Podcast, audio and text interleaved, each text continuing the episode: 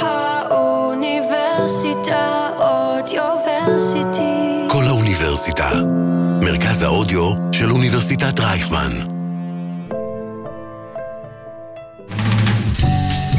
החמוצים, המערכת הפוליטית על ספת הפסיכולוג, עם הפרופסור בועז בן דוד והפרופסור גלעד הירשברגר.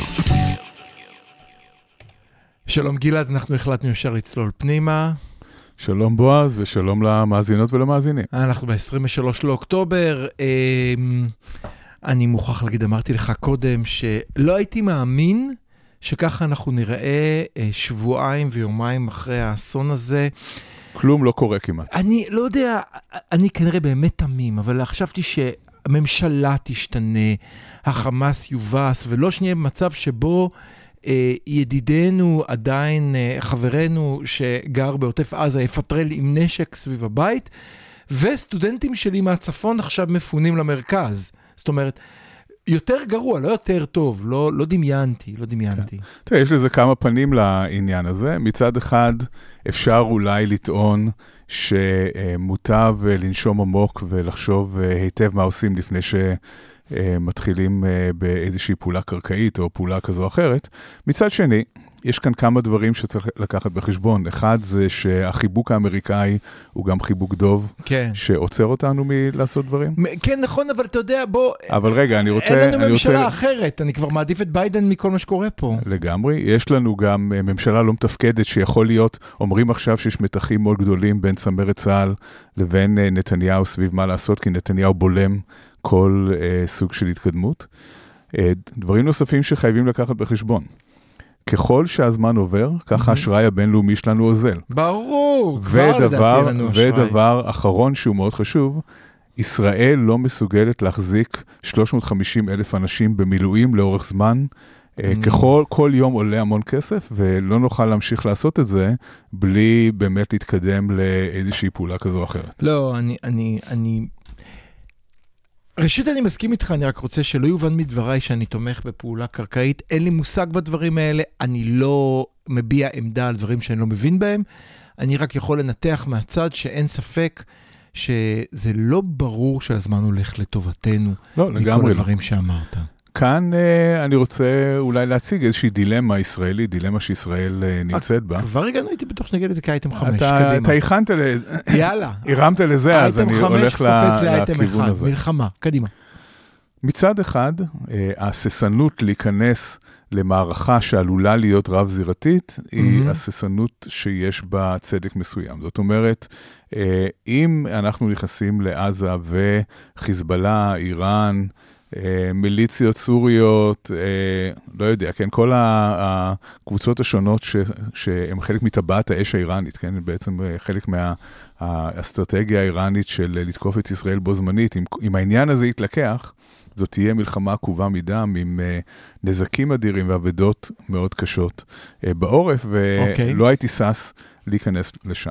אוקיי. מצד שני, אה, אם אנחנו לא נתקדם לכיוון הזה, יכול להיות שאנחנו פשוט דוחים את הקץ. זאת אומרת, במלחמת לבנון השנייה, חיזבאללה היה ארגון שהיום, בדיעבד, אנחנו יכולים להגיד, אה, ארגון אה, לא מאוד חזק. זאת אומרת, ככל, כמה שחששנו ממנו באותה מלחמה, אז הוא ירה כמה טילים לצפון, והיו לו יכולות, מנהרות ודברים כאלה, אבל זה כאין וכאפס לעומת חיזבאללה של היום. שוב, לא לזלזל במה שהוא היה אז, אלא רק בהשוואה למצב שלו ההשוואה, היום. אני מדבר על ההשוואה. ברור. בהשוואה, אם, אם חיזבאללה היה גרילה ב-2006, אז חיזבאללה הוא ממש צבא מאומן עם יחידות קומנדו לחלוטין. אה, היום ב-2023, מהמם. וייתכן מאוד שאם נדחה את הקץ הזה, אנחנו נפגוש חיזבאללה עוד יותר חזק בעתיד, ואיראן יותר חזקה. זאת אומרת, כל האיומים האלה שאנחנו מדחיקים וכל הזמן מרחפים מעלינו והולכים ומתעצמים, הם לא ייעלמו.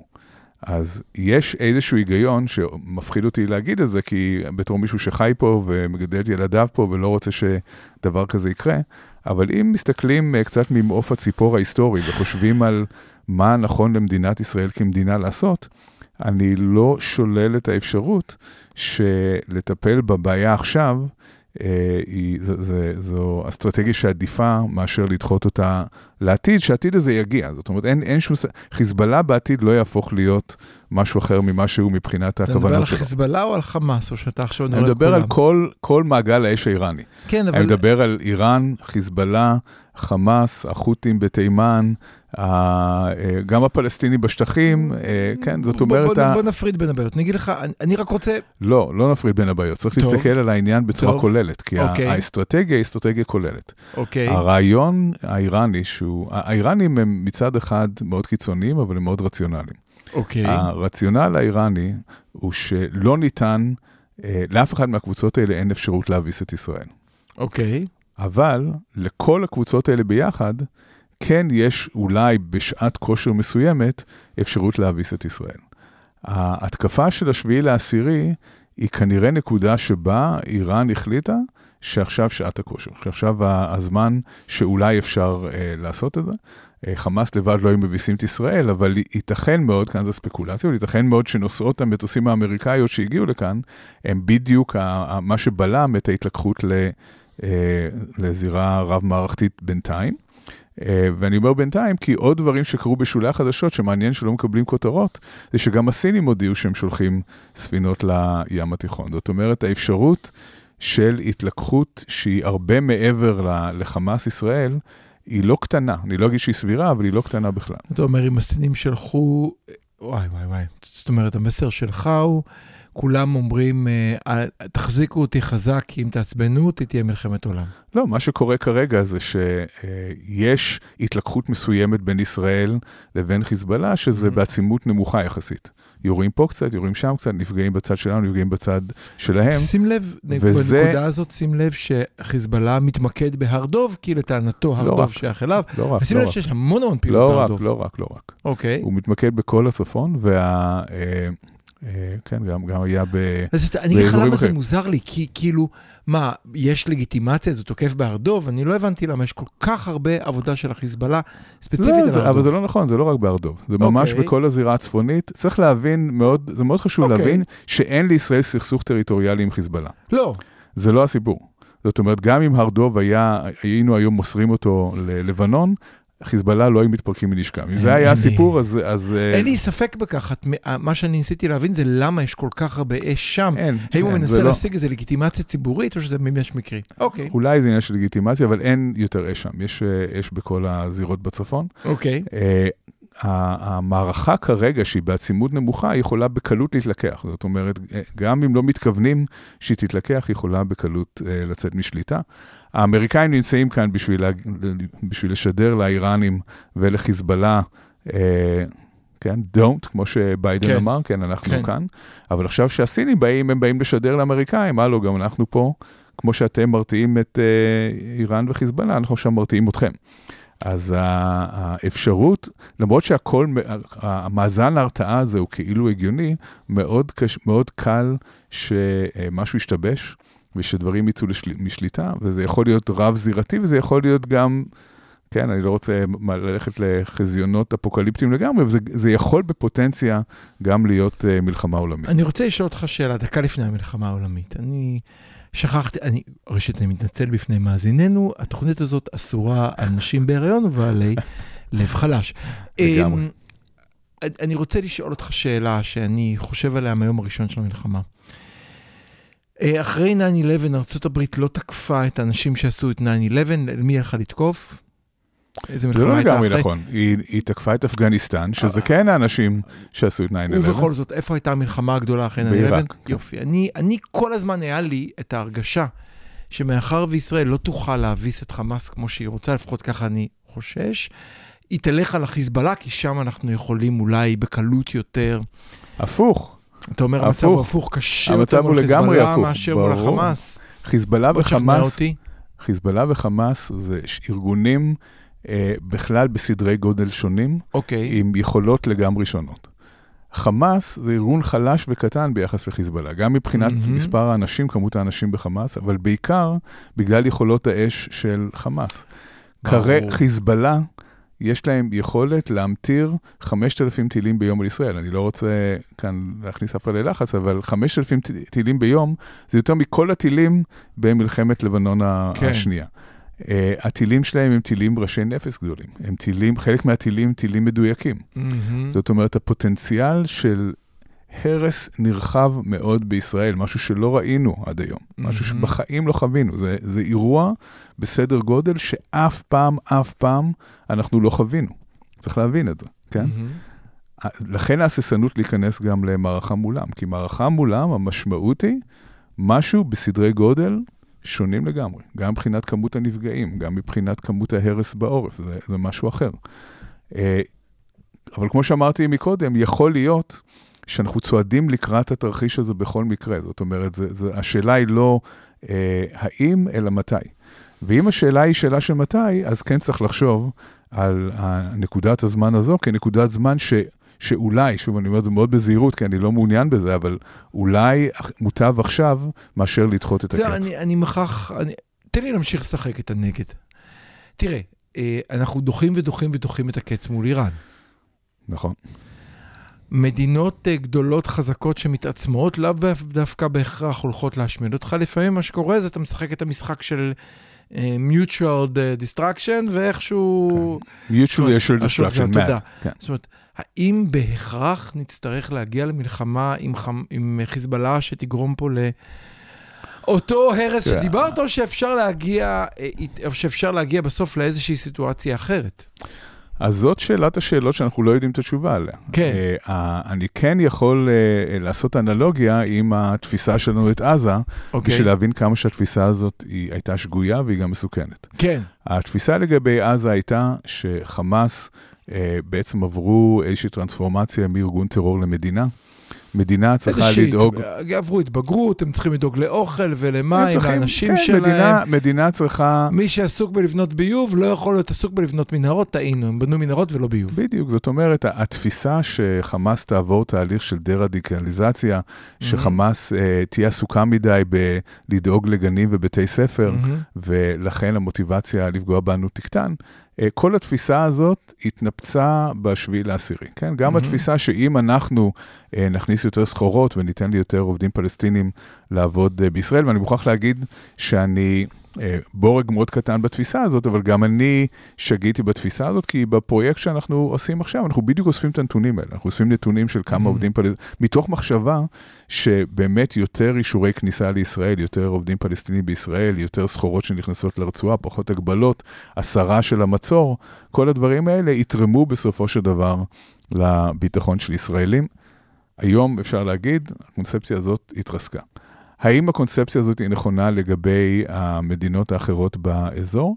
אני לא בטוח, וכאן... אה, לא, אבל רגע, מה האלטרנטיבה? בוא, בוא, אוקיי. עזוב רגע, אני יכול לבקש ממך משהו? אז יש כמה בוא אלטרנטיבות. נעזוב שנייה אחת את החיזבאללה, תן לי רגע לחזור, לנשום, לאיראן.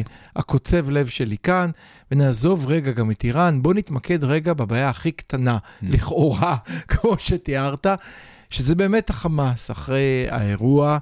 אנחנו, אנחנו יורים מהאוויר כל יום. כן. אה, התמונות בעולם לא עוזרות לנו, ואפילו מתחילות להגיע למצב שכל הקרדיט שלנו הולך ונגמר. זאת אומרת, היינו באיזה פלוס בבנק, וכל יום כן, הוא הולך וזה, ונגמר. וזה ברור לגמרי. זאת אומרת, מ- מהרגע הראשון היה ברור שהסימפתיה. הסימפתיה של השביעי לעשירי היא סימפתיה קצרת מועד, ו- וזה יתהפך בסוף. אבל זה, וזה היה ברור מהרגע הראשון, ו- ואתה יודע מה, אם אתה עכשיו יושב אה, אה, בבירה האירופאית הנוחה שלך, ואתה רואה בבוקר תמונות של תינוקות מתים, בצהריים תמונות של תינוקות מתים, ובערב תמונות של תינוקות מתים, בעד מי תהיה? בעד כן. ההורים. אתה לא תדע, להתחיל להסביר לך מה היה קודם וזה. אוקיי, אז אי בוא, נעשה גם סדר בעניין לא הזה. נצליח מה שאנחנו רואים בעולם, וחשוב להבין את העניין הזה, מה שאנחנו רואים בעולם, מהמם. זה שהממשלות של כל מדינות המערב, נכון. ללא יוצא מן הכלל, הם 100 אחוז, 100 אחוז איתנו, בכלל נכון. ללא כחל וסרק, זה, זה נכון. חשוב להבין את זה. נכון. כשזה מגיע לדעת הקהל, אנחנו רואים משהו שונה. בארצות הברית דעת הקהל היא איתנו, והיא אפילו יותר איתנו מאשר היא הייתה מקודם. נכון. באירופה דעת הקהל מלכתחילה לא הייתה מאיתנו, והיא לא איתנו גם אה, עכשיו. מהמם. יש... אה, אתם אה, עושים סקרים עכשיו? כן, כן, יש לך הרי את הפרויקט שלך? נכון. אז אין לי סקרים באירופה, אבל אני רואה סקרים מארצות הברית, אנחנו עכשיו גם עושים עוד קדימה, אחד. ספר לנו. כן, לא, אז, אז רואים שיש עלייה בתמיכה בישראל בדעת הקהל. האמריקאית, גם בקרב אה, אוכלוסיות שהן היו פחות אה, פרו-ישראליות בגלל הממשלה האחרונה, נגיד אצל אוקיי. הדמוקרטים, אבל גם כאן יש אבל מאוד גדול. מהמם. הדור הצעיר האמריקאי הוא לא שם. זאת אומרת, הדור כן. הצעיר האמריקאי הוא אנטי-ישראלי יותר. אה, כאן אה, צריך להגיד משהו גם על ארה"ב ואירופה לגבי מה גורם ל- אה, ל- לתגובות האנטי-ישראליות. מעבר לכל, מעבר- לזה שהייתה כאן ממשלה נוראה ואיומה, שבצדק עוררה תגובות אה, נזעמות ושליליות. מהמם. יש אידיאולוגיה נאו-מרקסיסטית שפושה במערב, גם באירופה וגם ב- רציתי רציתי שתגיע בקמפוסים. לזה. בוא נעצור, כן. כן, גם בקמפוסים בארצות הברית. מהמם. האידיאולוגיה הזאת בצורה מאוד פשטנית אומרת, העולם מחולק לשני סוגים של אנשים. יש את המדכאים ויש את המדוכאים. ישראל החזקה, המשגשגת, שכובשת את יהודה ושומרון ומטילה מצור על עזה, היא בצד של המדכאים, הפלסטינים בצד של המדוכאים, אז זה כבר שם אותנו במקום לא טוב. אבל זה כן, לא רק זה, בוא לא רק נמשיך זה. את זה, זה בעצם, לא זהו, זה. ההמשך הוא שהמדוכאים, לכן ניתן להצדיק כל מעשה שלהם כי הם יש, מדוכאים. יש עוד, לפני שמגיעים למסקנה הזאת, קדימה. יש עוד שלב. לך על זה? השלב הנוסף שהופך את ישראל אה, אה, בעייתית במיוחד, זה שהתפיסה של ישראל כמדינה מתנחלית קולוניאלית, הולך וצובר יותר ויותר תאוצ- תאוצה. אני רואה את זה בקרב, ב, ב, עם הקולגות שלי ב, ב, באוניברסיטות בארצות הברית. אה, שזה בעצם אומר שהאוכלוסייה הפלסטינית היא האוכלוסייה הילידית. אנחנו אירופאים, ככה אנחנו תופסים, ככה אנחנו נתפסים. מהמם. שהגענו אה, לכאן אה, בלי שיש לנו איזושהי זכות, בלי שיש לנו איזושהי, איזשהו צידוק להיות במקום הזה, מהמם. בדיוק כמו שקולוניות אירופאיות התקיימו במקומות אחרים, כמו בדרום אפריקה לצורך העניין, ולכן אה, לא רק שאנחנו מדכאים, אנחנו גם נמצאים במקום שאנחנו בכלל לא אמורים להימצא בו. זה שונה ממדינה אירופאית שמדכאה את המיעוט שלה. לגמרי. אנחנו, לא רק שאנחנו מדכאים, אנחנו לא לגיטימיים מלכתחילה. ואם אנחנו לא לגיטימיים מלכתחילה, וכאן אני, אני אספר על אה, אה, מין אה, אה, שרשור של תגובות שהתחיל באגודה המקצועית שלי של פסיכולוגיה חברתית. כן, אתם הפסיכולוגים החברתיים נמצאים עכשיו בסיטואציה, אני צופה מהצד וזה... נכון, אז זה מאוד זה סוער. זה אז אה, מרגש. מישהו, מישהו בעצם אה, כתב, הוא אמר, אה, עזה היא הכלא הגדול ביותר אה, בעולם. אה, אתם מדכאים את האוכלוסייה שם, אתם אה, אה, פוגעים בהם, הורגים בהם, אה, לא נותנים להם לנשום, ובסוף הם מתפרצים ועושים את מה שמאוד טבעי שאנשים מדוכאים יעשו. פריזן מה. אתם, מה כן. אתם בעצם, מה אתם בעצם, מה התלונה שלכם בעצם, כן? אה, וזאת, אה, אה, אז, אז אני עניתי דווקא לעניין הזה, זה, Mm-hmm. המטאפורה של כלא עוזרת לאנשים להבין מציאות שהיא מאוד מורכבת. מהמם. זאת אומרת, אם באמת עזה היא הכלא הכי גדול בעולם, ובאמת אנחנו סוהרים אה, נוראים ואכזרים שמחזיקים את הכלא הזה בצורה כזאת, אז זה עוזר לאנשים להבין איך, איך הייתה כזאת התפרצות אלימה. אה, מה שאני מנסה להזכיר לאנשים שאולי לא צריך להזכיר כי הם לא ידעו זה מלכתחילה, זה איך הגענו בכלל למצב הזה. והגענו למצב הזה כשב-2005 ישראל נסוגה מרצועת עזה, הוציאה את כל האזרחים שלה ואת כל הצבא, את כל המתקנים הצבאיים, השאירה אחריה חממות, מפעלים, מהמם. בתים, הרבה מאוד אה, רכוש וטכנולוגיה, מתוך איזושהי תקווה נאיבית, יש לומר היום, שהעזתים ייקחו את זה ויעשו מזה אתה משהו. יודע שאני אפילו ביקרתי בעזה במסגרת uh, משלחת של uh, uh, סטודנטים מפה ומפה לשלום ואחווה, יפה מאוד, באיזה שנה? ממש ממש מיד אחרי הנסיגה, אחרי ממש אז. התנתקות. אוקיי. ממש אחרי ההתנתקות, זה היה, היה, היה משהו באמת מלא, תק- אני, אני לא בטוח שחבריי מאז יישארו בחיים כארגון שוחר שלום מקומי, אבל כן, זה כנראה שלא. הסיפור, כן, אה, כנראה שלא. בין, בין 2005 ל-2007, עזה לא הייתה תחת מצור. הרשות הפלש... הפלסטינית שלטה בעזה. ב-2007 הייתה השתלטות אלימה של חמאס על הרצועה. אה, 450 חיילים של הרשות הפלסטינית אה, נרצחו על ידי חמאס, זרקו אותם מהגגות, מי שזוכר את התמונות. אה, של העניין הזה, ומאותו רגע חמאס, אה, עזה הופכת להיות ישות אה, טרוריסטית.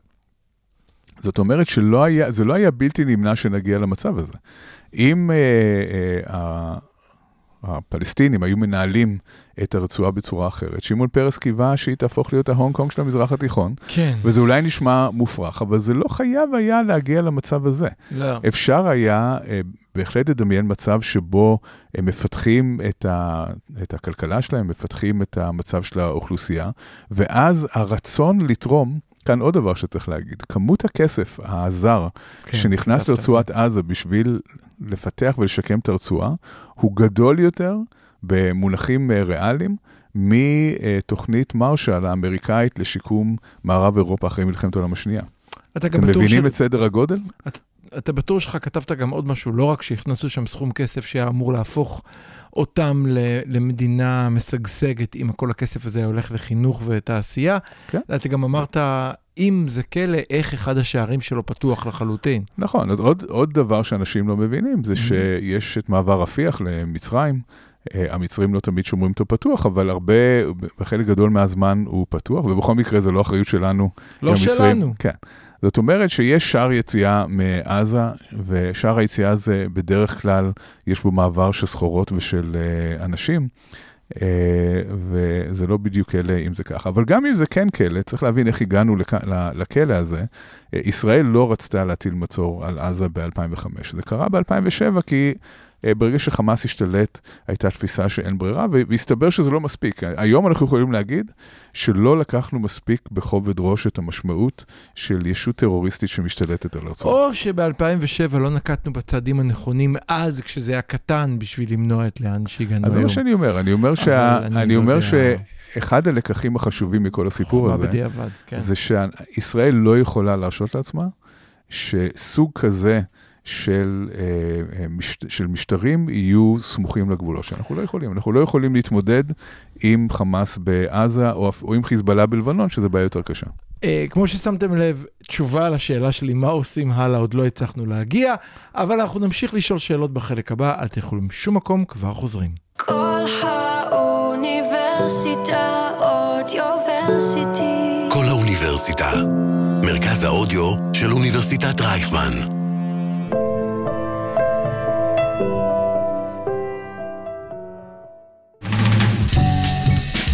החמוצים, המערכת הפוליטית על ספת הפסיכולוג, עם הפרופסור בועז בן דוד והפרופסור גלעד הירשברגר. שלום גלעד, שלום בועז. אה, ותודה שנשארתם ונשארתן איתנו. אני, יש לי שני נושאים שאני רציתי להעלות, ואני רוצה לשמוע את הטקסט שלך עליהם, גלעד. הראשון, אני רוצה לצטט לך את פרופסור גימל הירשברגר, אולי אתה מכיר אותו. באחת מתוכניות העבר דיברנו הרבה על כיפת ברזל. זה היה באחד הסבבים שבהם ירו עלינו, מי זוכר זה היה מתי? די מזמן, כן. מי זוכר מתי זה היה? אה, האמת, כל דבר שלפני השביעי לאוקטובר נראה כאילו עברו מאז מיליון שנה. אנכרוניסטי לגמרי, כן. כן. אמ, ואז הייתה טענה בזמנו, אם אתה זוכר, שכיפת ברזל הוא נשק התקפי ולא נשק הגנתי, אם אתה זוכר, וניסינו להסביר מדוע יש הטוענים כך, ואז אתה טענת טענה מאוד מעניינת, אמרת, אני, אני אסיר תודה לכיפת ברזל, גם אני, בזכות זה אני יכול ללכת היום ברחוב, לגור בתל אביב, בזמן שיורים עליי טילים מבוקר עד ערב, אבל כיפת ברזל, הסכנה שלה, היא שהיא מונעת מאיתנו to bear the consequences, לשאת בתוצאות, ולהגיב, ולהגיב בצורה יותר נחרצת. לשאת נכון. בתוצאות של המדיניות שלנו בעזה ולהבין את המשמעות האמיתית שלה. אם אתה זוכר, דיברת על זה אז. אני עכשיו רוצה לקחת את זה, את המטאפורה קצת קדימה. בעיניי, מה שקורה היום עם החברה האזרחית, ההתגייסות שלה, ומי ש... באמת, אנחנו כבר שבועיים יושבים עם החמ"ל של אחים לנשק ורואים מה קורה שם מקרוב, זה הכיפת ברזל. זאת אומרת, כשה... סליחה על המטאפורה, אבל הטילים שנורים עלינו הם החוסר תפקוד הטוטלי של ממשלת ישראל. ואז אם אה, יש את בית החולים המופצץ, מי מציל אותנו בהסברה? אנחנו, אזרחים, עד שהמדינה זזה מאוחר מדי. כאשר צריך לדאוג למפונים, גם היום, שבועיים אחרי, יש מפונים, ועדיין לא מצליחים להתמודד עם איך מפנים אותם, ובזכות החברה הישראלית הם יפונו ויהיה בסדר. שירות הפסיכולוגי, בזכות החברה האזרחית. אה, אה, החקלאות, הכל, הכל. החקלאות, לא, בואו נפרט את זה. החקלאות זה חברה אזרחית, עם האחים למשק, אם אתה מכיר את זה. כן, בטח. אה, מהיום הראשון לחלוב את הפרות, זה חברה אזרחית. מהיום הראשון, כל ההסעות של מילואימניקים, זה רק החברה האזרחית. אוכל, הסעות, אפודים קרמיים, הסיפור הבאמת נכון. מפואר של איש הייטק שצריך לגייס סכומי עתק ולהצליח להביא אפודים קרמיים שמגינים על בני משפחותינו שנלחמים עכשיו. מי שקנה אותם זה לא המיסים שלי ושלך, אלא התרומות של החברה האזרחית. עכשיו אני שואל את השאלה, אם מחר כל החברה האזרחית בישראל, אתה יודע אפילו לא כולה, רק אלה שהיו במחאה, שזה כמעט כולם, מחליטים לעצור, לש... אה, אה, יש חג עכשיו, יש תענית אסתר, תענית רות, תענית מואב, כולם מפסיקים לעבוד בשבוע. אין כיפת ברזל, אין. אף אחד לא משכן בביתו אנשים, לא מכין אוכל, לא אורז קופסאות, אין כלום. אז לא יהיה כלום. האם אז המדינה תצטרך להתמודד עם האינקומפטנטיות שלה? כי כרגע היא לא יכולה. אנחנו, אבל אתה מבין, הכיפת ברזל הזאת מאפשרת לממשלה לא להתפטר, מאפשרת לשלמה קרעיים האלה להמשיך כן, לשלוט בוא, לנו בוא במדינה. שנייה, אני עוצר אותך, אנחנו כולם, כולנו יודעים סליחה. את זה, אז בוא, בוא ננסה אה, לנתח בצורה אה, קרה ורציונלית את מה שקורה פה. לך על זה. השיטה הפוליטית בישראל היא כזו, אה, ו- ובממשלה האחרונה זה הסטרואידים, אבל השיטה הפוליטית בכלל, מהמם. היא כזו שיש לך מוטיבציה מאוד גבוהה למנות אנשים שהם נאמנים ומקורבים, ולא אנשים שהם קומפטנטים, כי מראש השיטה אה, אה, בעצם בונה ממשלות שהן מאוד פגיעות, שהן על כרעי תרנגולת, שמאוד קל אה, להפיל אותן. מהמם. אה, ואז מה שכל מנהיג רוצה, הוא אומר, אני רוצה אנשים נאמנים סביבי, אני רוצה אנשים שיוכלו לשמור על האינטרס שלי ולא על האינטרס של המדינה. ביבי לקח את זה רחוק, כן. ויצר בעצם מציאות שבה לא רק, ש... לא רק שחברי תנועת הליכוד, חברי הכנסת של הליכוד, הם כולם חבורה של ליצנים לא קומפטנטים, גם שרי הממשלה הם אפילו פחות קומפטנטים מהחבר כנסת הממוצע. אחד אחרי השני, אלוהים. וחוסר הקומפטנטיות והשיטה הזאת של למנות מקורבים, חלחלה כל הדרך למטה. זאת אומרת, גם אה, אה, אם כן, מסתכלים על ההתנהלות כן. של כל משרד ומשרד, רואים את חוסר הקומפטנטיות הזאת, שזה בא לידי ביטוי בזה שאין ישיבות ואין תוכניות ואין, אה, אף אחד לא יודע אפילו מה הוא אמור לעשות כדי לבצע את התפקיד כביכול שיש למשרד שלו, שהרבה פעמים המשרד הוא, הוא בעצמו משרד אה, מופרך וחסר חשיבות. אפילו משרד לא מופרך, מתפקד בעברו, כמו משרד החינוך, שהוא כל כך מהותי, לא מתפקד בצורה מטורפת נכון. עם יואב קיש. לציין מי שלא ראה תגובת ורה, ועד ראשי האוניברסיטאות, לדרישה של יואב קיש, שיפסיקו לעשות את מה שהם עושים עכשיו, הם פשוט ידווחו לו על איזה סטודנטים הודחו או לא הודחו. התגובה הייתה תגובה ציונית לעילה ולעילה, היה שם ממש את השורה, בעודנו קוברים את מתינו, אתה מוכן לסתום את הפה, פחות או יותר. פחות או יותר. כן, אבל כאן, אוקיי, אז זו התגובה האמוציונלית והנרגשת שלך, אבל אני רוצה ואני כן... חייב עוד מילה אחת על קיש, אני חייב. הרי אם אתה זוכר, ירדו עליו שהוא עושה מנגל, שהוא עושה מנגל בערב, אז הוא הגיב בזה שהוא חשף את היומן שלו. עכשיו, הוא הגיב בזה שהוא חשף את היומן שלו. אתה זוכר מתי היום שלו התחיל? יום העבודה שלו התחיל? בוא, זה לא כל כך חשוב, באמת. זה, אנחנו נכנסים כאן אח- לזוטות. באחת וחצי הוא מתחיל לעבוד, והוא אומר, תראו איך אני עובד בשבילכם. אני רוצה, די. אני רוצה אה, לדבר על השיטה. טוב. אוקיי, אז השיטה מובילה לזה שאנחנו מקבלים אנשים כאלה, ואצל ביבי זה הסטרואידים, זה עוד יותר. אז מה אפשר לעשות? וכאן אני רוצה אה, לייצג עמדה שהיא לא העמדה שלי, אבל שהיא עמדה קלאסית, קונסרבטיבית, רפובליקנית, אמריקאית, קדימה, שאומרת את הדבר הבא. אני מחזיק את עצמי. מדינה באופן בסיסי זה ארגון אה, מסואב, אה, בירוקרטי, לא יעיל, ושצריך לשמור אותו כמה שיותר קטן וכמה שיותר מצומצם שאפשר. אוקיי. צריך להעביר לאחריות האזרחים את רוב הדברים האלה שדיברת עליהם. זאת אומרת שהעסק יעבוד יותר טוב, אם באמת מי שידאג לאזרחים אחרי אירוע כזה, זה יהיה אחים לנשק. או יש גם את אה, ארגון הנשים, איך קוראים לו? אנחנו לא רוצים לקפח גם את ה... בונות אלטרנטיבה עושות עבודה נפלאה בכל. הארץ, אתה כן. צודק, סליחה. זאת אומרת, כל הארגונים האלה שהם ארגוני חברה אזרחית, הרפובליקני, הליברטני אולי הממוצע, יגיד, כן, ככה זה בדיוק צריך לעבוד, כי אזרחים הם יעילים, אזרחים הם אה, מנכ"לים של אה, חברות אה, פרטיות שיודעים איך לעשות משהו מהר ויעיל ומתוקתק, עם תקציב נכון, ומדינה לא תוכל לעולם לעשות דבר כזה. אני לא יכול לחיות עם האמירה הזאת. כן, אבל אני, למה אני בכל זאת מעלה זה, אותה? כי, זה, כי זה, ממש, זה ממש נס שזה קורה עכשיו, זה לא היה חייב לקרות.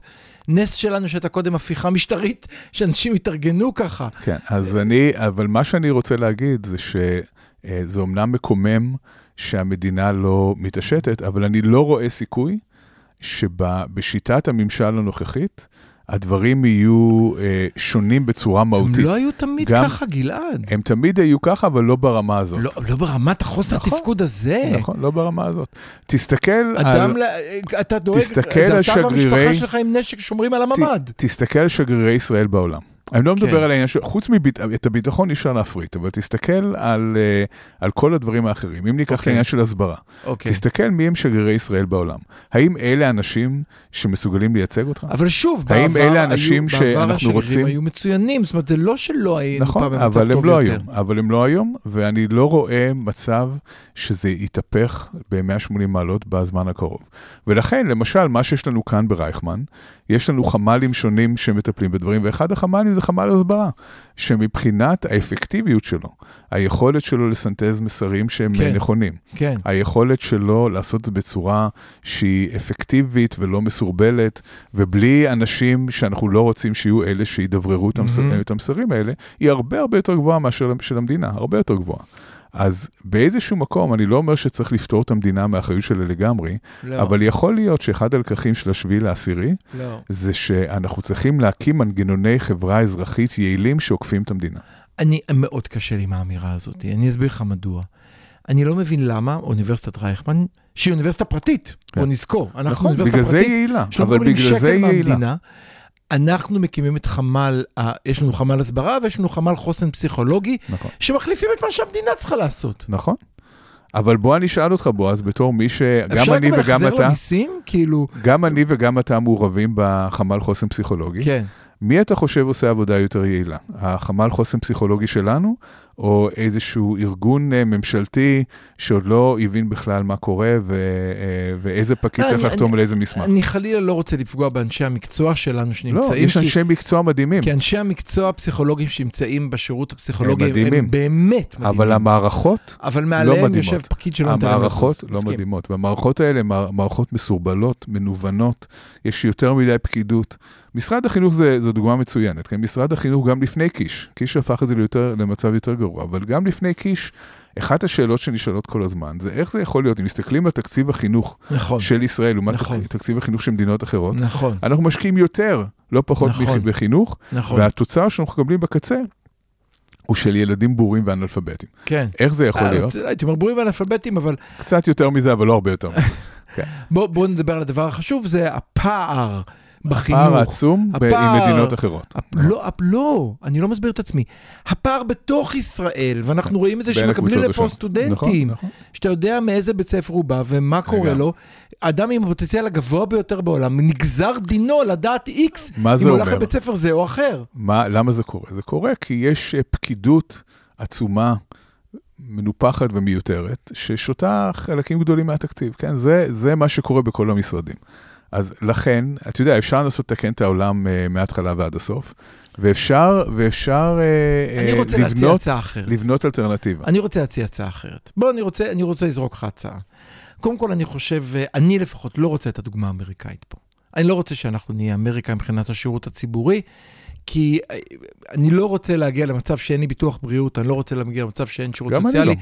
אני לא, אמריקה בעיניי לא. לא חזון, ההפך. אני לגמרי איתך. אבל, אבל בוא נניח, בוא נניח, אבל בחלק מהדברים החברה האזרחית תצטרך להתגייס, אבל בוא. בוא נניח שיום אחרי, יום אחרי, שש אחרי המלחמה, כל אחד מהאנשים המדהימים שנמצאים עכשיו בחמ"ל, ואני פוגש אותם בחמ"ל של כולם, זה אחים ו- ו- ובונות וכולם, יגיד, אני לוקח רבע משרה בשירות הציבורי. אני לא מוותר על השכר שלי בהייטק, לא צריך להגזים, ואני מוכן לקחת רבע משרה. אתה נאיבי, זה, המערכות האלה הן מערכות שקשה מאוד לתקן אותן. זה לא שאם אני, אם אני לא מישהו נאיבי, ייכנס... איזה ברירה יש לי? אם לא הברירה- נתגייס ונתקן את המדינה, ש- מה נעשה? נוותר על המדינה? לא, הברירה היא שיהיו גם ארגוני חברה אזרחית שיקחו חלק מהאחריות. תראה, אני אמרתי מקודם שאת הביטחון לא מפריטים, זה לא לגמרי נכון. בוא ניקח אה, מקום ביטחון שבו... מופרט היום, סליחה. הביטחון מופרט, כן. מי שומר אה, על הגדר, נכון? זה חברת נכון, אבטחה עכשיו- אזרחית היום. לא רק זה, היום אנחנו נמצאים, אחד הלקחים החשובים של השביעי לעשירי, זה שאזרחי ישראל, במיוחד כאלה שגרים במושבים, בקיבוצים, נכון, נכון. באזורי ספר, נכון. יצטרכו אה, לשאת נשק. אז לא יצטרכו- לצאת נשק, הם יצ- אלה שאמרו כל הזמן, תראו, יש כאן בלאגן, אנחנו, הם היו גם המודיעין הכי טוב. הם יצטרכו להיות אלה שמגינים על היישובים שלהם, אף אחד לא יבוא להגן עליהם, אנחנו כבר יודעים את זה. את זה למדנו בשביעי לעשירי. זאת אומרת שגם הביטחון יהיה מופרט. אני, אני כן רוצה לגעת שנייה אחת במחיר המאוד משמעותי של המצב הזה שבו ה- האזרחים יהיו אלה שנושאים נשק, שיהיו יותר ויותר אזרחים שנושאים נשק. מצד אחד זה יצמצם כנראה בצורה משמעותית את הסיכוי של איזה כוח אה, רדואן אה, של חיזבאללה או, או של חמאסניקים שיבואו ויעשו שוב את מה שקרה בשביעי לעשירי. מצד שני, נשיאת נשק של אזרחים יש לה מחיר. זה אומר קודם כל שרמת האלימות בחברה תעלה בצורה משמעותית. זה, זה משהו שיקרה בהכרח. ברגע שליותר ויותר אנשים יש בוודאי, נשק, אנחנו יודעים את זה מכל המחקר. ברגע שלאנשים יש נשק, אז אה, ויכוחים בכביש שנהגנו לפתור אותם בצורה אה. מ- מתורבתת עם כתר פלסטיק, אנחנו נתחיל אה, לפתור אותם עם אה, נשק חם, ויכוחים בין בני זוג, בני בין הורים רציתי רציתי לילדים. להגיד לך, סליחה, מי שבסוף ייפגע נכון, בזה זה נשים. החלשים, זה נשים ב- וילדים, נכון, נשים נכון, ירצחו. נשים- נכון, נכון. יהיה יותר, אנחנו יכול יכול למנות לך את מספר יותר- האנשים שירצחו, יהי- ואני גם יכול להגיד לך מאיזה מגזרים הם יהיו. יהיו יותר uh, מקרים של אובדנות. יש, נכון. הרבה, יש הרבה מחירים לעניין של נשיאת נשק. כשמשווים את זה לזוועות שקרו בשביעי לעשירי, אז, אז אנחנו נאמר, אוקיי, אין ברירה, אבל חייבים להבין את- המחיר. אנחנו חייבים להכיר במחיר ולהבין שבשביל ההגנה הזאת על היישובים, הולך להיות כאן אה, מחיר לחברה. אני מודה שאנחנו מסיימים גם את הקטע הזה. בצורה נורא אופטימית. בנימה לא. לא אופטימית. אני, אני, אני גם, אני חלוק עליך לגבי החברה. האזרחית, אבל, אבל אני חושב ששנינו לפחות מסכימים על דבר אחד, העובדה שהחברה האזרחית מחזיקה את המדינה מעידה על החוסר יכולת של המדינה לתפקד, ואולי אנחנו צריכים למצוא פתרון, או, כמו שאתה אמרת, לסגור את שירותי המדינה ולהקים אותם שירותים אזרחיים, או שהאזרחים ייכנסו לתוך לא שירותי המדינה. לסגור, אבל להבין שהשירותים שהמדינה מספקת יהיו בהכרח פחות טובים ויעילים. או שאנשים במדינה, ואני רואה את זה למשל בחינוך, אני רואה במקומות, ואני רואה דרך המורים של הבנות שלי, כאשר יש אנשים אידיאליסטים שהחליטו להיות מורה בחצי משרה במקביל למשהו אחר, הכל נראה אחרת. נכון, נכון. ואותם אידיאליסטים הקטנים, ודרך אגב, בשירות הפסיכולוג רואים את זה הכי הרבה. פסיכולוגים שעובדים ברבע משרה במגזר הציבורי מרוויחים בחוץ, בקליניקה, אבל עדיין מוצאים את עצמם ברבע משרה נכון. במגזר הציבורי מתוך מחויבות למדינה. זה המודל שאני שואף אליו, אבל אוקיי, אני- הלוואי ו- הלוואי וזה יעבוד. אני אופטימי. אנחנו יוצאים להפסקה קצרה, ואז יש לנו עוד שני דברים, שקט יורים, ואולי לא יורים אלא יורות. מה קורה לאנשים במלחמה? שקט יורות. כבר חוזרים. כל האוניברסיטה אודיוורסיטי. כל האוניברסיטה. מרכז האודיו של אוניברסיטת רייכמן.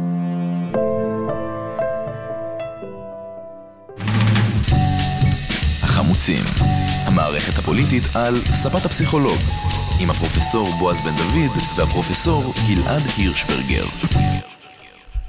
תודה שחזרתם אלינו, אנחנו בקטע השלישי והאחרון.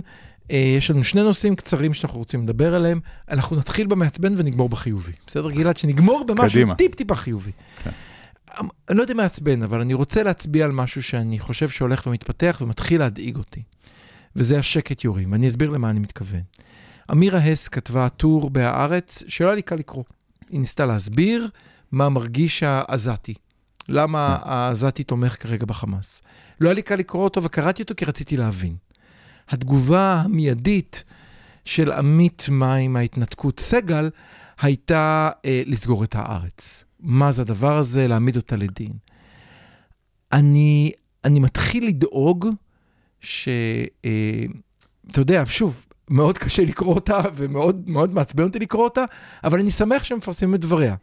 כי זה חשוב. אני, אני מוכרח להגיד שאני לא דואג, כי אני חושב שהחברה הישראלית היא חברה מאוד פלורליסטית, ולא הצליחו להשתיק אותה בכל אה, אני- התקופה אני- של אני הרפורמה. חושב שאתה לא רואה מה קורה ואני- עכשיו. אני אתה- רואה, אני רואה את אני- הקולות, אני- אבל עדיין, ישראל פריי אנשים- מביתו אחרי שניסו לרצוח אותו. תקשיב, נכון. המצב היום הוא, אני, אתה לא, אני גם זוכר בימי מלחמות. את האלימות נגד הפגנות שהיו אז, אני מתחיל לדאוג. תשמע, במלחמת אה, לבנון השנייה הייתה ביקורת עצומה נגד העיתונות על זה שהיא מדווחת איפה טילים נוחתים, כן. והיו, כן, והיו קריאות אה, לסגור את העיתונים וכל מיני דברים מה, מהסוג הזה. תמיד במצב של מלחמה יש אה, איזשהו רצון להשתיק את, אה, את אבל הקולות, כאן זה יותר קיצוני, כן, כי כי במה ש... המצב הוא יותר קיצוני. כי מה שהם עשו היה כל כך נורא, כן. שעכשיו כל הזדהות, אפילו אם מישהו אומר, מגיע להם שנפציץ אותם, אבל כואב לי על תינוקות מתים, חמש דקות אחר כך אנחנו נקבל מכתב שמבקשים להדיח אותו נכון, מהאוניברסיטה. האנשים פה באטרף, אה, אבל עדיין לא מדיחים אף אחד ולא סוגרים אף עיתון, ואני לא רואה את זה קורה. אני חושב שהחברה שלנו היא מספיק חזקה כדי לעמוד ב- בעניין. הזה, ואני גם חושב, ואני אגיד לך יותר מזה, אוקיי, מתחת לפני השטח יש רחש מאוד חזק של אנשים שמבינים שהממשלה הזו צריכה ללכת. סקרי דעת קהל שיצאו בימים האחרונים נכון. מראים את זה בצורה מאוד חזקה. כן. גם בקרב מצביעי ליכוד, אנשים מבינים שהממשלה אשמה והיא מהמם. צריכה ללכת, וזו לא האשמה מהמם. פשוטה, אנחנו מדברים כאן על אירוע בסדר גודל מחריד, גדול ומחריד, לא שגורם היה לנו לזה, יותר גרוע מזה, בואנה, יש כאן- 75 שנה. יש כאן רעידת אדמה, הייתי אומר, מראשית הציונות לא היה אירוע כזה. כן. זה, אה, זה אירוע מכונן, בעלה, בעל משמעויות היסטוריות עצומות, והציבור הישראלי רותח. הציבור הישראלי, אה, אולי שבוע שעבר היה עוד בשלב האבל, אבל אנחנו בשלב הכעס לגמרי. אבל וה- הכעס הזה מפחיד והרצון- אותי, כי אפשר לתעל אותו מצד אחד למי שאשם בריקבון הפושה, כמו שאמרת שבוע אבל שעבר. זה, לשם זה. ששחיתות היא סכנה קיומית, אבל הוא תראה מה קורה היום בחדשות. אם אתה ניזון כל היום מהחדשות, עמית סגל אומר, ההתנתקות, ההתנתקות, ההתנתקות. ערוץ 14, בכלל, זאת אומרת, תלוי מה אתה רואה, אבל, אני, זה, אני אבל לא יודע. אנשים, בסדר, אבל גם להם מותר להגיד את זה, זה בסדר. בוודאי שמותר. אני לא, אני לא אני- נגד זה שהם יגידו את זה. אני, אני חושב שמאוד חשוב להבין, דווקא השיח על התנתקות הוא חשוב. אתה יודע, אנחנו נמנעים אוקיי. ממנו, אבל השיח על ההתנתקות הוא חשוב. תפתיע אותי. בגלל שהטענה של הימין, שהכל בגלל ההתנתקות, זו טענה שצריך לקחת אותה ברצינות ולפרק אותה. אוקיי. כי באמת, בוא, באמת, אולי קיבלת היינו... שלוש דקות. אולי אם היינו נשארים בעזה עד עצם היום הזה, וכל ההתנחלויות היו שם, והצבא היה שם, אהה. לא היה קורה דבר כזה, כן? אבל אה, הימין אוהב להציג את זה בתור שתי אלטרנטיבות. או שאתה מתנחל בעזה ויש לך, וכל הצבא שלך יושב שם, או שעושים לך את מה שעשו בשביעי לעשירי, מהמם. ולא לוקח באפשרות את, ה, את האופציה שאפשר היה לצאת מעזה ו... לחזק את הרשות, להחליש את ולחזק את החמאס. הרשות ולהחזיק את חמ... ולהחליש את חמאס, ושלא נגיע למצב הזה. זאת אומרת, הבעיה של הימין היא תמיד, תמיד, באופן אה, גורף, אפשר להגיד את זה ממש כסטריאוטיפ של הימין, שהוא לא רואה ניואנסים. זה הכל או לא כלום, ו- וחלק מהכל או לא כלום, זה גם התפיסה המאוד מונוליטית של הפלסטינים. זאת אומרת, הם כולם, מה שראינו בשביעי לעשירי זה כל הפלסטינים, הם כולם כאלה. אין מישהו שהוא לא כזה. ואנחנו שומעים לאט לאט קולות ש, שגם אה, לא קל להם אה, לצאת ולהגיד את זה בתוך החברה הפלסטינית, אבל אנחנו יודעים שיש קולות שחושבים אחרת, אנחנו יודעים שיש כאלה, ש, ו, וכאן צריך להגיד, זה לא מאהבת אה, מרדכי, כן? הסיבה שהפלסטינים המתונים הם מתונים, זה בגלל שהם מבינים שישראל קיימת, והם מבינים זה שזה... אותו ייאוש שאתה מדבר עליו. אי אפשר להכניע אותם, אז בוא נכון, נחיה נכון, איתם. נכון. הבסיס של Mhm. שלום זה ייאוש מהיכולת להכניע כן. את הצד השני. ויש לא מעט פלסטינים שלמרות המצב עכשיו, הם מבינים שאי אפשר להכניע אותנו, מהמם. ולכן הם אומרים, בואו נמצא דרך אה, לחיות איתם.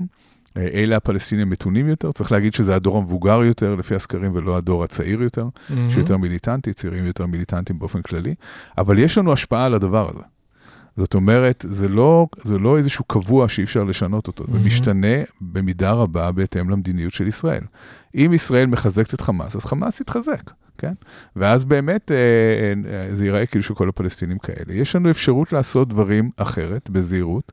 בכל מקרה, אין שום היתכנות לשליטה ב-2.2 מיליון פלסטינים ברצועה. אבל אם אני חוזר... ועוד 2.7 מיליון פלסטינים בגדה, ועוד אה, 400 אלף במזרח ירושלים לנצח. אי אפשר, אי אפשר לשלוט אני- בכל אלה. אנחנו אומרים את זה שוב ושוב, שבוע אחרי שבוע, אבל אם אני רגע חוזר אחורנית, אה, אני מבין שאתה לא מודאג, אני מבקש. לא, לא אמרתי שאני לא לא, מודאג. לא, לא, לא, בסדר, הרי, לא יודע אם אתה זוכר, כל הזמן אתה מודאג ואני זה שאומר שיהיה בסדר, זה, עכשיו התהפכנו. אני, אני מודאג. אני מודאג מחופש הביטוי בישראל, ואני חושב שזה מבחן גדול שלנו כמדינה, נכון. לאפשר, אתה יודע, אפילו לא לאמיר האס, אפילו לאותו חבר כנסת שכשמאלני יפה נפש, אני לא יכול לסבול אותו אה, מחדש, אפילו לאפשר לא לדבר, עופר כסיף? גם כן. כשהוא אבל אומר את עופר- הדברים עופר כסיף המרתיחים. מדבר, מישהו מפריע לו לדבר? בוודאי, כרגע הוא לא יכול להגיע לכנסת במשך חודש. אני אומר, אני אומר, אוקיי, אבל זה לא... גם העופר כסיפים, אני בכוונה אומר את זה, וזה המבחן שלנו, וזה ההבדל. כל הזמן אני אומר, מה, למה אנחנו פה? כי אנחנו רואים שאנחנו משהו. כן. יש לנו איזה ערך שאנחנו עומדים מאחוריו, שהוא לא רק זה שנולדנו אה, יהודים בגלל גנטיקה, אלא גם ערך שאנחנו מאמינים בו ורוצים לעשות במדינה הזאת. אחד הערכים האלה הוא הדמוקרטיה הליברלית שעליה נלחמנו עד האסון, אבל אסור לוותר עליה עכשיו מסכים לגמרי. במלחמה. מסכים לגמרי.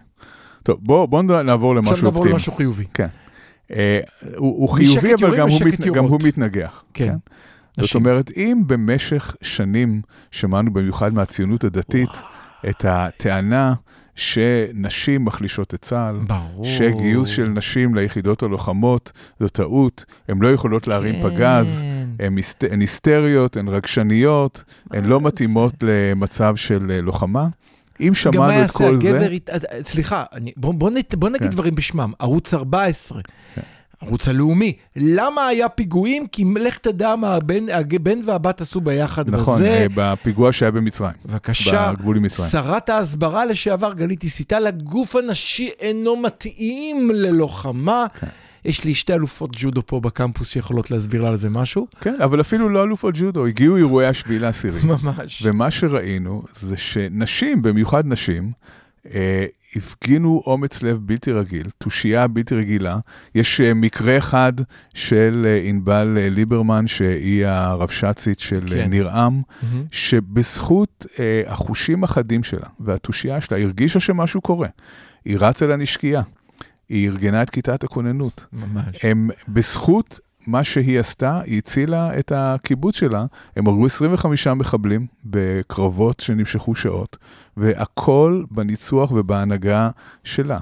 אה, אה, אני לא יודע עוד כמה הרוגים היו לולי אנשים כמוה. ויש... הייתה שוטרת בשדרות, בדיוק. שהיא גם אה, גילתה תושייה אדירה, היא לא יודעת להגיד אפילו כמה מחבלים היא הרגה בעצמה ו- וכמה על ידי זה שארגנה את השוטרים האחרים להילחם במחבלים. היו המון המון גילויי אותה קצינה גבורה ששיל- ולוחמה ששילמה מדהימים. בחייה והגנה על הטירונים שלא ידעו נכון, עדיין איך מחזיקים נכון, נשק, נכון, נכון, הקריבה את חייה ונלחמה והצילה לגמרי. 60 טירונים, 60 משפחות חייבות לה את חייה לאותה אישה שצריכה להיות במטבח ולבשל או משהו. נכון, נכון. כן. אה, היו באמת המון המון אה, מפגנים של אה, גבורה, של תושייה, של תגובה מהירה, של חתירה למגע, של כל הערכים שצה"ל מלמד עליהם, ואשרינו שיש לנו בצבא אנשים כאלה שיכלו באמת לעשות את הדברים המדהימים האלה ולהגן על, על הרבה מאוד אנשים. אנחנו חייבים להם חוב ענק. אנחנו חייבים להם חוב ענק, ויש כאלה שחייבים התנצלות ענקית, ונשאלת כן. השאלה, האם ביום שאחרי הצבא ישכיל להשתמש יותר ויותר בנשים בלי צורך בבג"ץ שיכריח אותו לעשות את זה, כן. אלא מתוך הבנה שגם ככה המשאבים שהצבא יכול להגיע אליהם הולכים ומדללים, אם תראה כן, דף, את מצב אחת החרדים, התובנות, ולכן צריך דווקא, במקום לקחת את הנשים ולהפוך אותם לא, לאותה פקידה שעושה שנה וחצי, דווקא להגיד לא, נכון. מי שמעוניינת מי שמעוניין ויכולה, להילחם, לגמרי. מי שמעוניינת ויכולה, אנחנו צריכים להיעזר בה, כי נכון. אנחנו לא יכולים לנצח אחרת. גם אחת התפיסות שיהיו חייבות להשתנות אחרי השביעי לעשירי, זה התפיסה של אה, צבא קטן וחכם. אנחנו מבינים היום שאנחנו כן. צריכים הרבה יותר boots on the ground, הרבה יותר uh, חיילים. Uh, אני חושב שאחד הדברים שנהיה חייבים להבין זה שהסתמכות על טכנולוגיה uh, היא הרסנית. אנחנו, טכנולוגיה היא מאוד חשובה, אבל חייבים שיהיו, שיהיה גם חייל עם רובה ומשקפת, או חיילת עם רובה ומשקפת, שיעמדו על הגבולות ויוכלו לתפקד גם במצב שכל הטכנולוגיה נופלת. אתה יודע מה, אני, אנחנו נסיים בזה ואני אשתמש בזה באיזה מטאפורה מעניינת שקשורה גם לעולמנו. גם בעולם ההוראה באקדמיה הייתה את התמונה הזאת שתבוא הטכנולוגיה ולא יצטרכו יותר אדם שעומד ומלמד כן. כיתה מלאה. למה כל בזבוז הכסף, הנסיעות, שאנשים ישבו בבית ויראו סרטונים ויעשו והכל יהיה בסדר.